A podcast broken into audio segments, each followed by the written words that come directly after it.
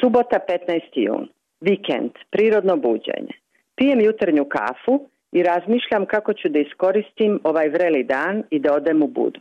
Budva je sad najljepša.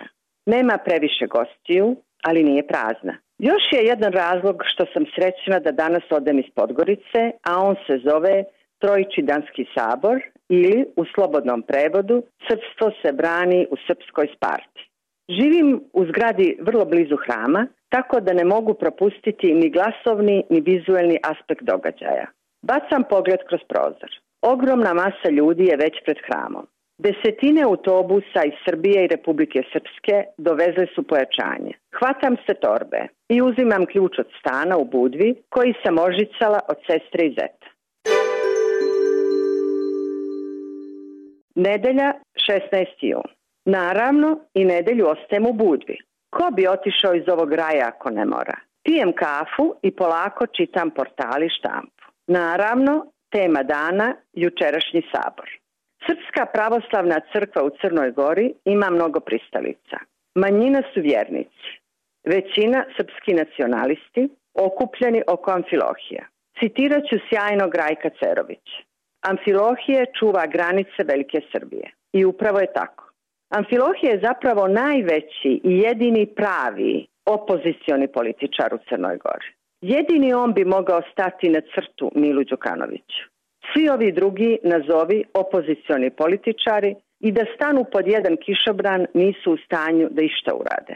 Sve što odlaze u Beograd po mišljenje. Jadno i ponižavajuće. Zato su se i okupili oko Amfilohija, da bi opstali. Ponedjeljak, 17. jun. Povratak u realnost. Na poslu sam. U televiziji Crne Gore. Imam ludu sreću da radim posao koji volim. Urednica sam francuskog programa. Biram ono što mislim da je kvalitetno i što bi se moglo svidjeti našim gledaocima. Pregovaram sa distributerima, redigujem prevode, ponešto što mi se jako svidi prevedem i sama. Baš uživam u mom poslu. A plata? Bolje da preskočimo tu temu ili ne može se sve imati. Utorak, 18. jun. Vruće je, temperatura nije previsoka po crnogorskim kriterijumima, još nije prešla 35 stepeni, ali je sunce jako, skoro neprijatno. Možda i zbog toga što smo nakon dugog perioda kiše odjednom uletjeli u ljeto. Nema više onih divnih proljećnih dana stvorenih za duge šetnje, blagog sunca prema kome sa radošću okrećemo lice. Ove godine klima uređaj nije ni predahnuo. Nakon grijanja odmah smo prešli na hlađenje. Raspust je, pa sam popodne slobodna. Inače, to je dan kad sam vrlo zauzeta tokom školske godine. Utorkom popodne imam frankofone aktivnosti sa tinejdžerima u klubu Kafe Evropa koji sam osnovala još davne 2000. Tu se uči i usavršava francuski, ali i mnogo više od toga i film i muzika i francuska civilizacija. Ipak, specialitet kuće je teatar na francuskom jeziku i odlazak na festivale u regionu i šire. Srijeda, 19. jun. Gledam dnevnik na televiziji vijesti u 19 sati. Nakon toga gledam dnevnik na RTCG-u u 19.30. Razmišljam o aktualnom novinarstvu. Na vijestima ćete teško čuti išta pozitivno o događajima u Crnoj Gori. U prvi plan se stavljaju negativne stvari i blamovi vezani za aktualnu vlast. Ako ima nešto dobro, to se naravno preskače. Dnevnik RTCG.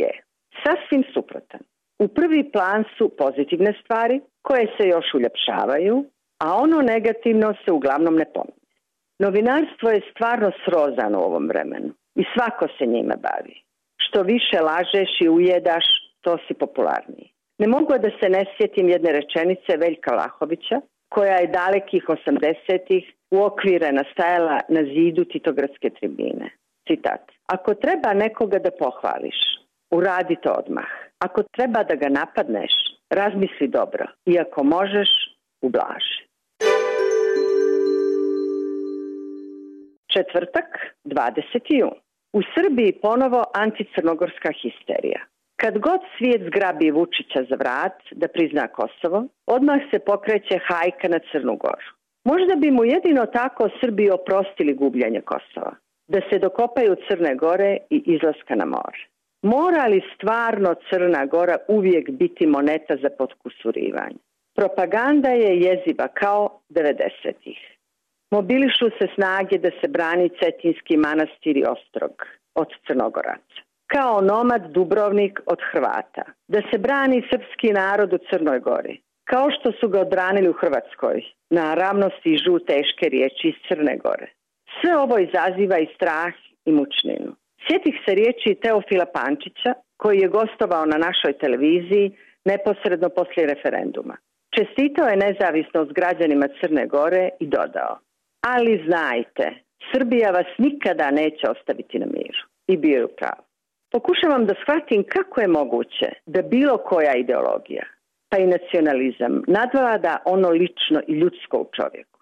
Oplakuje se Karadžić, Gotovina i ostali ratni zločinci pod krinkom heroja. Majko moja, u kakvom to mi svijetu živim? Petak, 21. jun. Danas me čerka vodi na ručak. U oktobru je počela da radi. To je pripravnički staž od 9 mjeseci. Vladin program stručnog osposobljavanja tokom kojeg diplomirani studenti uče da rade i primaju polovinu prosječne crnogorske plate. Male su to pare, ali ona je sva srećna što ide na posao i što zarađuje. U glavi mi se premotava film. Sve ono što smo doživjele zajedno. Svi naši razgovori, putovanja, strijepnje, svađe, zagrljaj, suze, sve što smo dijelile, sve što sam je naučila i sve što je ona mene naučila. Tokom ove 23 godine. Sve je to sad ispred mene. Divan osjećaj koji izaziva nježnost. Neopisivo. Čerka, to tako obično zvuči, a tako mnogo znači.